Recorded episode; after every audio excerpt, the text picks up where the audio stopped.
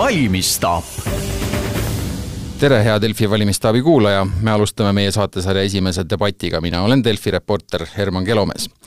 Alustame teemaga, mis on antud valimiste puhul kõige asjakohasem, ehk vastasseis kahe suurima rivaali, Reformierakonna ja EKRE vahel, et kas me räägime siin vastasseisust selle sõna tõelises tähenduses, saame kohe arutada, sest teemaks on julgeolek, täpsemalt kaitse planeerimine, selles küsimuses on võib-olla natukene vähem erisusi erakondade vahel, aga katsumegi need välja selgitada, et valijad siis teaksid ka selles kõige kriitilisemas teemas, kuidas oma valikud langetada. stuudios on kaitseminister Hanno Pevkur Reformierakonnast. tervist! ja brigaadikindral reservis, EKRE fraktsiooni ja riigikaitsekomisjoni liige Alar Laneman. tere! Meie teema on praegusel ajal kõige olulisem, aga Hanno Pevkur, kas ta on ka valimisteemana niivõrd oluline, arvestades seda, et me oleme kõik kokku leppinud et, et kolm protsenti kaitsekuludest peaks ta olema ja kõik on nagu nõus, et hakkame Venemaale vastu no see, milles kokku lepitakse, see selgub koalitsioonileppe tegemisel. valimiste lubadused kindlasti on erinevatel eri erakondadel mõnevõrra erinevad siiski, aga noh, kui me räägime teemast, julgeolek, siis vaieldamatult on see kõige olulisem teema. kui sul ei ole vaba riiki, siis sul ei ole ka, ja iseseisvust, et siis ei ole ka tegelikult ju äh, väga palju arutada teiste teemade üle, et ja, ja noh, kui me vaatame praegu seda, et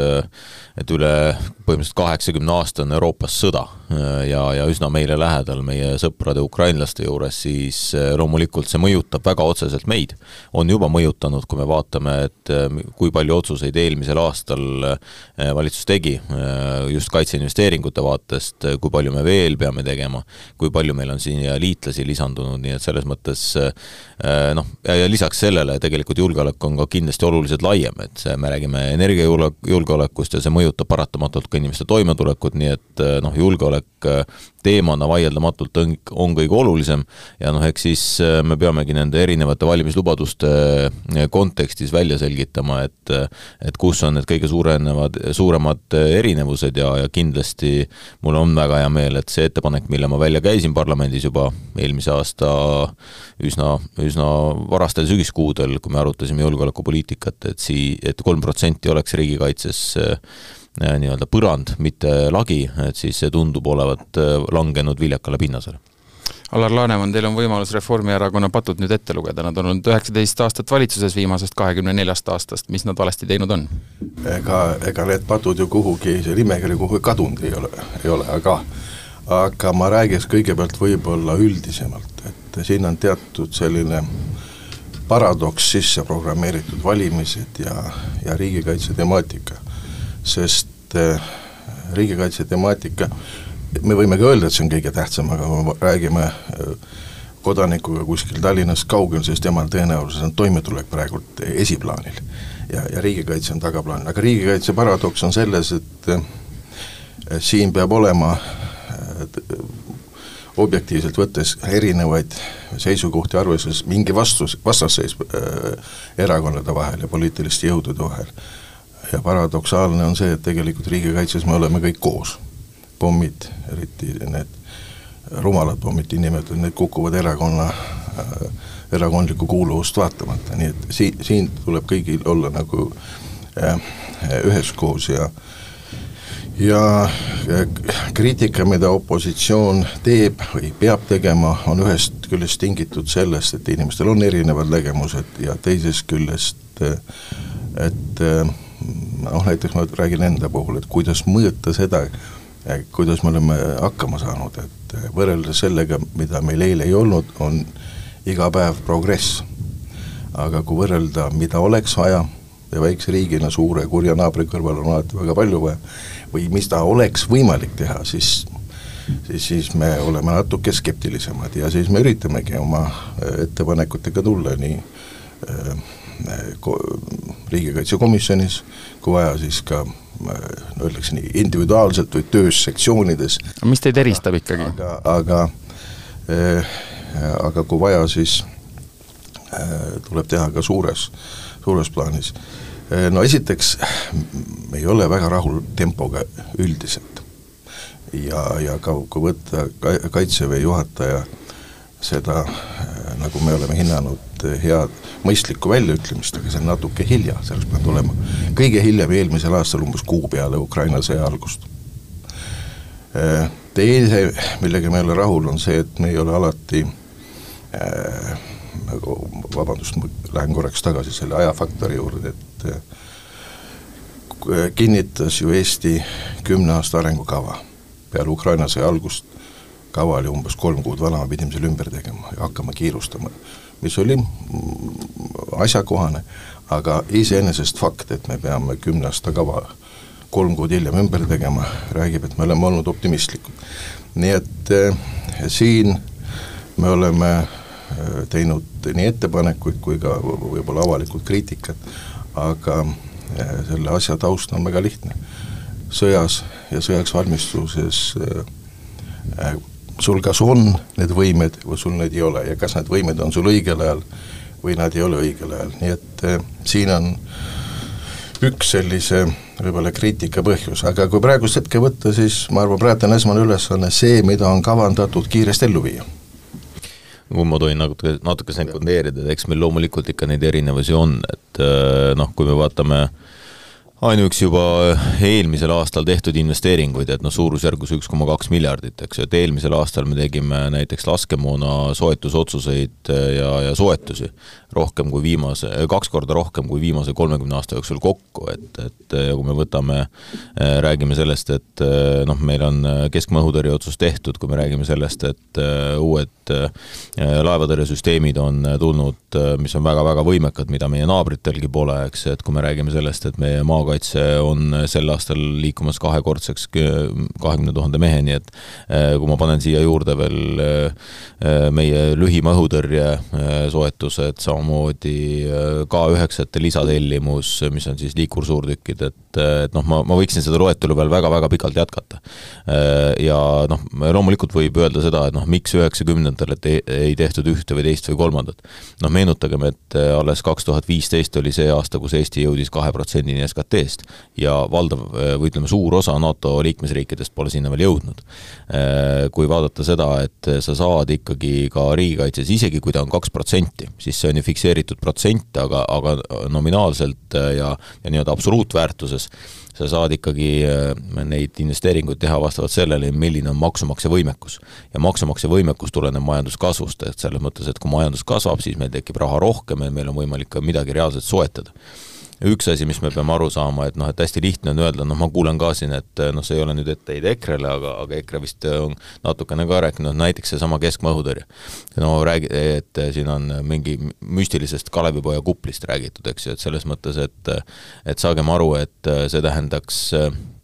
noh, umbes kahemiljardilist investeeringut, eks ju, et et, et noh, see peab, peab nagu olema realist, et, et milline see maksumaksja võimekus on. ja selles mõttes ma olen nagu päri, et, et toimetulek on ka teema, et ega päeva lõpuks noh, me peame aru saama, et ega kui inimestel ei ole turvatunnet kodus, siis on hästi raske ka eeldada seda, et nad tulevad riiki kaitsma. nii et noh, neid, neid teemasid, noh üks teema kindlasti, mis paelub ja kus meil on praegu, noh ütleme hea meelega ma tahaks tegelikult ka Alari seisukohta saada, on näiteks seesama Nursipalu, eks ju, et, et noh, meil on vaja harjutada, meil on Kaitsevägi suurenenud, me ise suureneme, me suurendame ajateenijate vastuvõttu nelja tuhande mm, inimeseni, et needsamad Eesti kaitseväelased, ma kuulen ka seal Kagu-Eestis, et räägitakse mingisugusest müstilisest NATO baasist, ei, vabandage väga, see on ju rumal jutt, et me räägime, et Eesti kaitsevägi suureneb, Eesti kaitsevägi areneb, teine brigaad saab soomustatud, nemad peavad kusagil harjutama. noh, selles mõttes noh, ma, kui ma liidan kokku, et ma olen kuulnud, et jah, sotsid ja riigikaitsekomisjoni esimehe vaatest on öelnud, et nad toetavad, ma olen kuulnud, et Leo Kunnas on öelnud, et jah, ka EKRE erakonnana toetab Nursipalut. ma olen kuulnud seda, et Keskerakond on äh, öelnud Erki Savisaare suu läbi, et, et tegelikult jah, peaks toetama Nursipalut, eks ju, et, et noh, selles mõttes, et kui ma need kokku liidan, et siis noh, ma loodan, et Alar ütleb ka siin, et jah, et tõepoolest EKRE toetab seda vajadust, et Nursipalus on äh, kaitse, kaitseväel harjutusala vaja. nii et noh, ütleme, need on need kohad, kus me tegelikult peame nii-öelda minema siis detaili Äh, ja, ja rääkima nendest asjadest, mis tegelikult on Kaitseväe arenguks ja Eesti riigikaitse arenguks olulised sammud, mis on vaja teha. no nüüd Hanno Pevkur ennetas saatejuhti, mis siis on EKRE seisukoht Nursipalu osas? jah, ma pean nüüd kahjuks siin olema kriitiline. Fakt on see, et kui on üksus, siis peab olema tal nõuetekohane baas, sealhulgas väljaõppevõimed aga kõigepealt taustsüsteemist.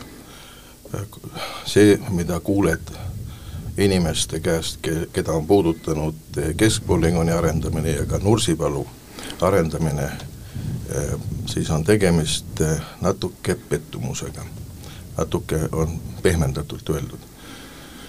ja, ja, noh, inimestel on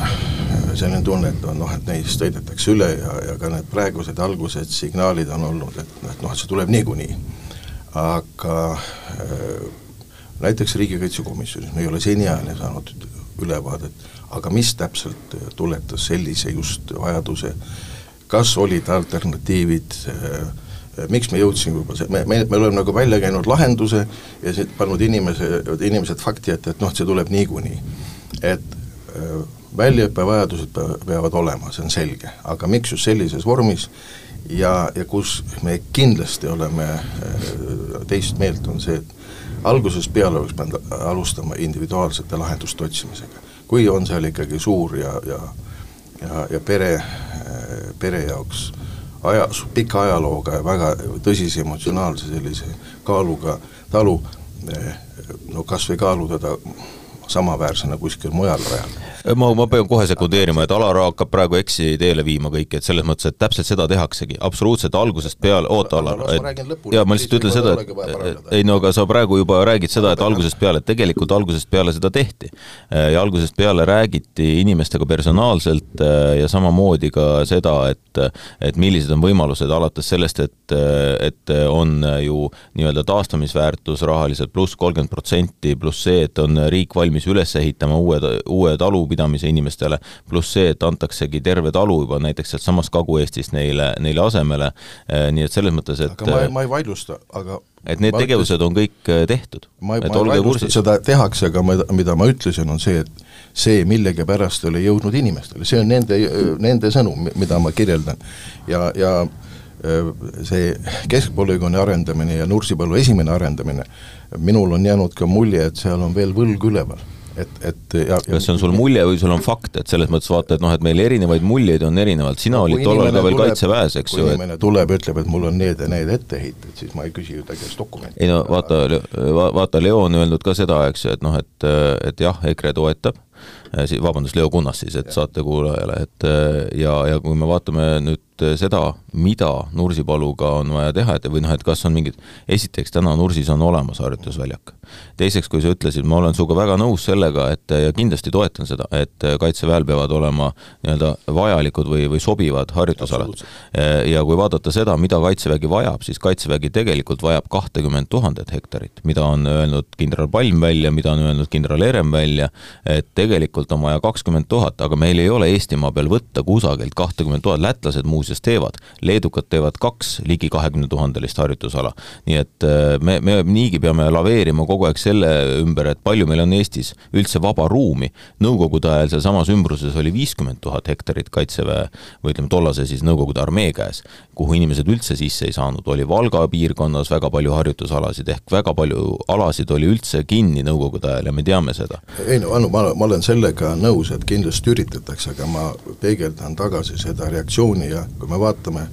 noh, hinnangud antakse ikkagi asjade seisu üle, siis see diskussioon või see protsess seal praegult ei lähe libedalt. ja muidugi,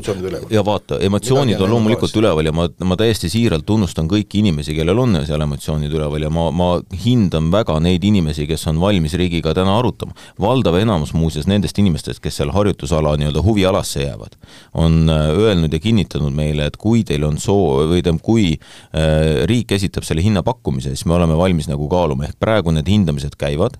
äh,, mis ma veel tahan kindlasti öelda, et vaata, ega siis iga protsess hakkab pihta ikkagi sellest, et tehakse põhimõtteline otsus, kas on vaja või ei ole. ja praegu on nagu see koht, kus tegelikult ju äh, Kaitsevägi on selgelt väljendanud oma vajadust ja, ja sa tead ise endise mm, kõrge ohvitserina seda, et et Kaitsevägi vajab seda harjutusala Äh,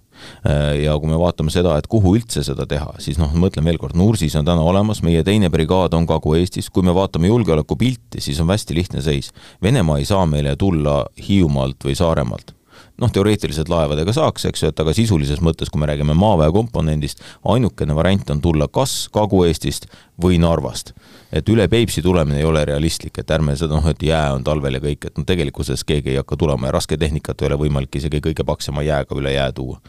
nii et selles mõttes see ainukene variant on see, et venelased tulevad kas Kirdest või Kagust, mis tähendab seda, et Eesti vastupanu peab olema Kirdes ja Kagus ja sellepärast on esimene brigaad meil Tapal suunaga Kirde suunda ja teine brigaad all äh, Lõuna-Eestis. valus teema, äh, viimane repliik sel teemal, kuni läheme edasi. Äh, lihtsam ja, ja ma arvan, ka inimeste pingeid vältivam oleks see, kui oleks sellega liigutud samm-sammult ja esiteks ära kirjeldatud, kuidas kujunes see just see kakskümmend tuhat et, et kindral Palm on öelnud, see ei ole piisav, kui kindral Palm on öelnud. kuidas see kujunes ja missugused on need alternatiivide otsimised, aga aga kahjuks ole seda noh, joont me oleme näinud mõnes muus küsimuses ka, et ja kui sellega oleks tuldud välja näiteks Riigikaitsekomisjonis, kus on kõik erakonnad kohal, ma arvan, et noh, kindlasti oleks läinud veel palju lihtsamalt. ma ütlen ühe repliigi siiski, hästi lühikese repliigi, et, et miks jõuti sinna, muidu noh, see on läbi käinud, aga ma kordan veel kord üle, punkt üks, teine brigaad on Kagu-Eestis ja sinna lähedusse on vaja punkt kaks, vaadati läbi kogu Kagu-Eesti piir äh, ja, ja, ja nii-öelda maa-alad, kuhu üldse on võimalik teha, kus ei ole looduskaitselisi piiranguid, me teame, et meil on seal suur Karula rahvuspark ja kuhu üldse oleks nii-öelda territoriaalselt võimalik suurusjärgus kümmet tuhandet hektarit panna, ma ei isegi räägi Kaitseväe kahekümnendast tuhandesest soovist, vaid ainult kümne tuhandesest soovist. Äh, punkt kolm, äh, vaadati seda, et kus oleks võimalikult palju riigimaid ja kus oleks võimalikult vähe eraomandit. ja sellest tulenevalt jõutigi sinna, et, et eraomandit seal sealkandis oli kõige vähem, riigi omandit kõige rohkem ja seal oli olemas ka juba Kaitseväe harjutusala äh, kolmandiku ulatuses ehk kolm pool tuhat hektarit on seal juba praegu olemas. ehk A need on need valikukriteeriumid. sai veel ühe repliigi, siis ma teen hästi lühikese samuti enda poolt, muidu ei ole tasakaalus, et enne valimisi ei ole ebaaus, on ebaaus niimoodi, aga äh, üks huvitav asi, mis üles tuli, oli see, et meie enda äh, selline äh, käitumine põhjustas, et, et üks küsimus oli, et kuulge, et aga meil oli ju kogu aeg sõnum, et Eesti on nii hästi kaitstud, paremini kui kunagi varem, meil on kõik olemas ja nüüd järsku on meil vaja sellist arengut teha. et, et äh, me ei tohi ka iseenda propagandat võib-olla natukene aga seda sa ju me peame eraldi saate tegema sellel teemal, ma küsin Alar Laaremani käest nüüd seda, et äh, teie programmis on kirjas, et Eesti reservväe suurus peaks olema viiskümmend viis tuhat, plaanid on vist kolmkümmend kuus tuhat praeguse seisuga kuidas te rahastate kõike seda? no kõigepealt tuleb teha otsus ja ma arvan, et kui vaatame ajalugu, siis ka eh, kaitseplaneerijad on ju eh, järjest kasvatanud seda sõja, eh, sõjanumbrit ja rahastamine tuleb ju ikkagi sealt, kus riigieelarvest ja kus mujalt, et see on selline eraldi, eraldi protsess, aga me oleme need numbrid läbi arvestanud ja tundub, et see on täiesti tehtav, isegi rohkem oleks võimalik teha, aga asi on praegu tahtmise taga no ma siiski aga me jõuame sinna, ma usun. mul ei ole midagi selle vastu, et selle üle debateerida, et noh, tegelikkuses muidugi see protsess on kõik töös ja, ja, ütleme, et ega natukene on selle valimislubaduse puhul lahtisest uksest sissemurdmine, et minu lauale on jõudnud ka äh, siis ettevalmis-, Kaitseväes ettevalmistatud äh, paber Eesti sõjaaja riigi äh,, siis riigi sõjaaja koosseisu kinnitamiseks äh,. ja, ja seal tegelikult me peame arvestama mitut asja, meil on ka liitlased. et meil on liitlased, meil on äh, maakaitse, mis on siis kaitse Kaitseliidu nii-öelda võitlev osa maakaitsesse tuleb sel aastal juurde kümme tuhat meest reservistide arvelt ehk reservarmee arvelt ja siis on meil loomulikult eh, reservarmee, nii et, et kui me need kõik kolm komponenti kokku paneme, siis me tegelikult jõuamegi jah, sinna üle viiekümne tuhandeni, nii et eh, natukene on see, natukene on see võib-olla lahtisest uksest sissemurdmine ja, ja noh, ma luban, et see dokument saab veel selle valitsuse ajal allkirja, nii et see on, et noh, ütleme, või te, on võib-olla naljakas nii öelda, aga et võib-olla tihti tihti eh, on hea lubada asju, mis juhtuvad niikuinii, nii et selles no, mõttes, et väga et eh, mul on kahtlus muidugi, et Hanno on lasknud meie nõupidamise pealt kuulata, et võttis sealt selle numbri, aga ei, ma, ma, ma pigem kaaluks ikkagi, ütleme, kui sa niimoodi lähed spekuleerima, siis see, küll, küllap ikka sul on allikaid ka Kaitseväes. jah, et küllap sul on Kaitseväes allikaid, kelle käest küsida, et mis tegelikult plaanid aga, on. aga tunnustus saatejuhile, et kui te näete, kuidas siin tehakse riigikaitse planeerimise ajalugu, nii et teile tunnustus. aga ma ütleks ühe asja veel välja, mis ei ole meie plaani, plaanides kirjas ja mida te tõenäoliselt ei tea küsida. riigikaitse enda instrumendid tuleb teha korda. mida ma silmas pean, on see, et seesama kümne aasta arengukava, mida me pidime kolm kuud hiljem ümber tegema. et esimene asi äh,, äh, äh, miks see nii juhtus, kas oli äh, meie äh, ütleme nii, luure või meie silmad ja kõrvad äh, kehvad, kas olid kaitseplaneerijad liiga optimistid, kas Kaitseväe juhataja sõjaline nõuanne ei olnud õige või oli lihtsalt kõik see oli õige, aga otsustajad ignoreerisid seda, et, et selliseid halbu üllatusi meil ei tohiks tulevikus tulla, et me, et sõda algas ja, ja me ei olnud valmis. on meil siis ka kinniseid uksi, kust läbi murda, et või, või mingisuguseid debatikohti veel, ma vaatan näiteks EKRE programmis seisab riigi võimalik okupeerimine, mis nõuaks Eesti hilisemat vabastamist, ei ole vastuvõetav. Te ise olete kiitnud Alar Laneman Kaja Kallast selle eest, et Madriidi tippkohtumisel saavutati meile sobivad otsused, et kas, kas, kas see punkt teie programmis on enam asjakohane? Loomulikult on asjakohane, sest et riigikaitse mõte ongi ju vältida riigi okupeerimist aga just selles mõttes, et kas, kas me, see ei ole juba status quo, see ongi see, kus me täna oleme jõudnud või jõudmas? me ei ole täna sinna jõudnud, meil on ju riigikaitse arengus küll ja küll teha. Aga, ma, ma, ma siiski tahaksin öelda, et, et noh, ütleme, kui ma kuulan seda lauset, et ega noh,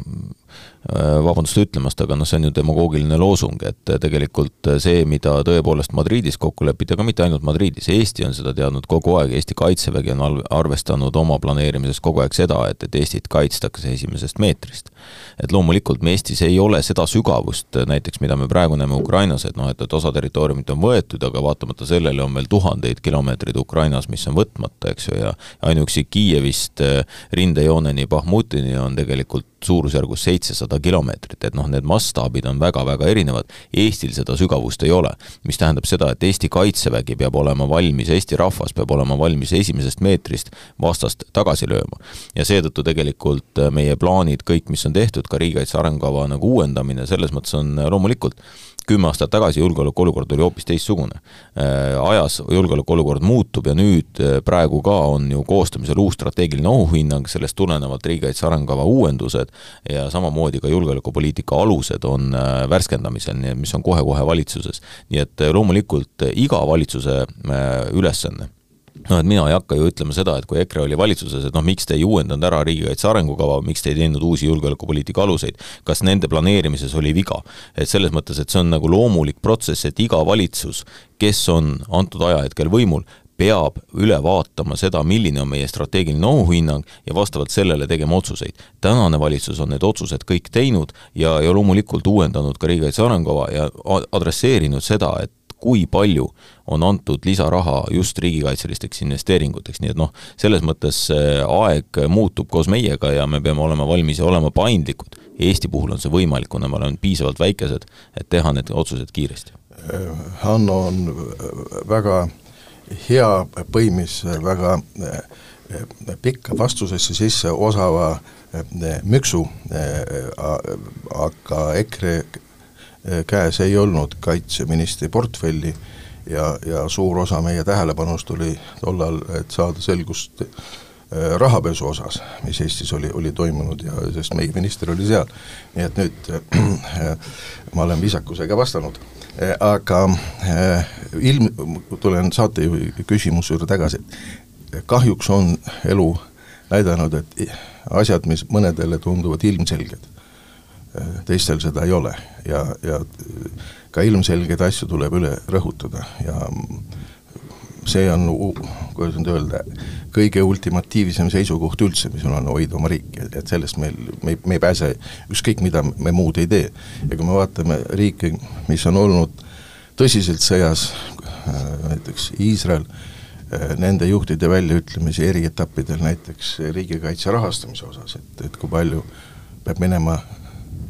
riigi iseseisvuse kaitsmisele ja, ja palju jääb teistele, siis noh, neid ilmselgeid tõdesid, mis võivad tunduda triviaalsena ja, ja võib-olla mittevajalikena, neid tuleb korrata kahjuks. olen isegi sellel nädalal olnud vestluses, kus täiesti iseenesestmõistetavalt inimesed, noh jah, et aga eksiilis ka umbes nii tuleb teatud asju teha. Ise sel nädalal. lõpetuseks natukene ka ajateenistusest, et kui meie reservarmee peab paisuma, siis on meil vaja ka mitte ainult kvantiteeti, vaid kvaliteeti. Hanno Pevkur, kuidas me teeme niimoodi, et kõige helgemad pead ei vingerdaks välja ajateenistusest? Äh, ajateenistuse arendamine on äh, ülioluline ja sellega ma olen juba alustanud, äh, me oleme, ma olen alla kirjutanud siis otsusele, et me suurendame ajateenijate vastuvõttu nelja tuhande ajateenijani, me oleme teinud ju praegu, on just nimelt parlamendis arutusel minu ettepanek nii-öelda motiveerida ajateenistusse tulijaid, kas või näiteks sellega, et kui sul on juba B-kategooria juhiluba olemas, et siis me maksame sulle tuhat eurot selle eest, et sa oled selle saanud, et noh, Kaitsevägi kulutab väga palju raha niikuinii selleks, et äh, õpetada noori poisse sõitma, me näeme, et B-kategooria juhiloaga ajateenistusse tulevate noorte arv on äh, langenud, äh, me kindlasti peame tegelema ka sellega, et riigikaitseõpetus koolides oleks kohustuslik, selleks et saada nii-öelda aru, miks me üldse riiki kaitseme, mis on see eesmärk ja, ja mis on need Äh, siis võimalused sinul igalühel äh, riiki panustada. Äh, me tegeleme sellega, et, et tuleks uus ainekava riigikaitseõpetusse, seda just eile rääkisime ka haridusminister Lukasega, samamoodi me räägime sellest, et, et ajateenistuse puhul noh, kõige olu-, ütleme, üks olulisemaid asju on tegelikult riigi kaitsetahe tervikuna ja noorte kaitsetahte kasvatamine, läbi selle ka riigi ka-, siis riigikaitseõpetuse nii-öelda välilaagrite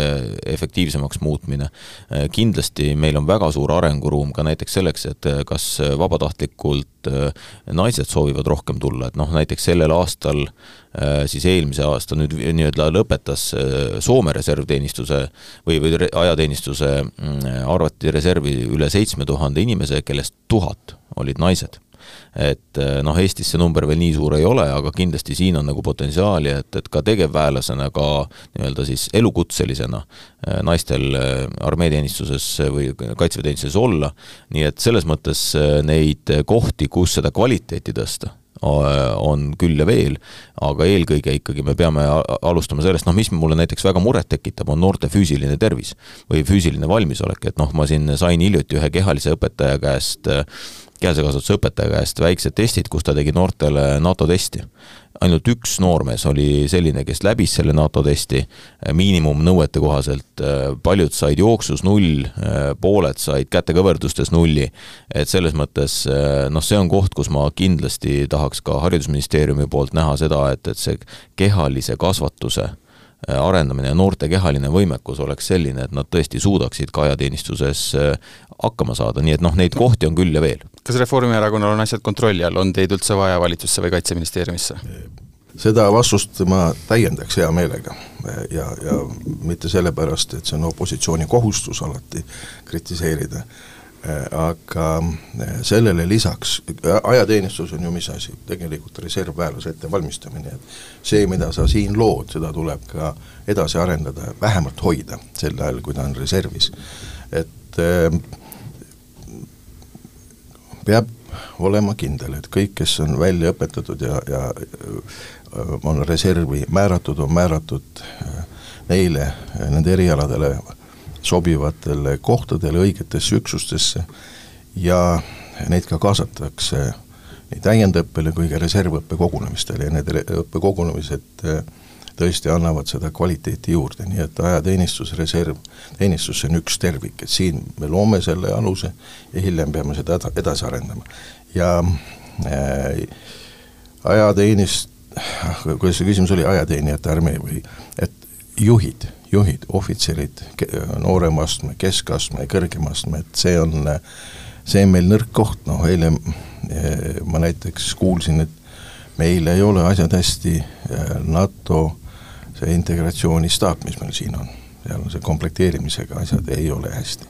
ja meil on üldse ohvitseridega noh, keeruline. siin tuleb midagi ette võtta, me ei saa sellist kroonilist eh, noh, alakomplekteeritust lubada. et eh, riigikaitse on tervik ja kõige nõr-, nõrgem lüli võib ühel hetkel äh, seada kahtluse alla kõik tublid saavutused mujal. mul jäi üks lause mainimata veel ajateenistuse nii-öelda äh, täiendamise kohta või mis me veel teeme, et tegelikult noh, me oleme näinud, me, üks asi, mis me Kaitseväes oleme proovinud ja Kaitseministeeriumis proovinud teha, et hästi palju tugineda nii-öelda teaduspõhisele andmetele ja ka inimeste küsitlemisele, et mida me saame tagasi. üks punkt, mida ajateenijad ise on öelnud meile, on see, et üks takistus, miks ei taheta praegu tulla või miks need samad helged pead siis proovivad kõrvale hoiduda, on loomulikult finantsiline, et noh, kas sa lähed tööle või sa lähed haridust omandama ja siis sa ei soovi enam pärast kõrghariduse omandamist äh, Kaitseväkke tulla ajateenistusse. ja, ja üks takistus on olnud puhtalt finantsiline ja nüüd äh, kui me vaatame näiteks, et kui noor on võtnud eluasemelaenu, siis äh, pank annab talle küll selleks ajateenistuse ajaks näiteks maksepuhkuse, aga pank ei anna talle maksepuhkust intresside koha pealt ja intressid tuleb ikkagi tasuda. nüüd see on üks koht, kus me praegu oleme tõesti siis loodame, et parlament veel enne selle koosseisu lõppu võtab selle vastu, et äh, me maksame kinni intressikulu. ehk tegelikult need on need väiksed sammud, mida me küsime inimestelt otse, mis on mured, ja me hakkame neid otsapidi lahendama, nii et tegelikult jah, me teame väga täpselt, mida on vaja teha ja me teeme neid äh, ka, nii et selles mõttes jah, võib täitsa kindlalt öelda, et ka, et riigikaitse on kindlates kätes. kõik mõistlikud asjad muidugi me toetame ja, ja lööme ka kaasa ja äh, ma küsiks, kas saatejuht on olnud ajateenistuses? tõepoolest, Lipnik on minu auaste. väga äh, tubli. suur tänu teile, head külalised, Eesti riigikaitset me selle poole tunniga valmis ei saanud, te kuulasite Delfi valimistaapi, järgmise korrani!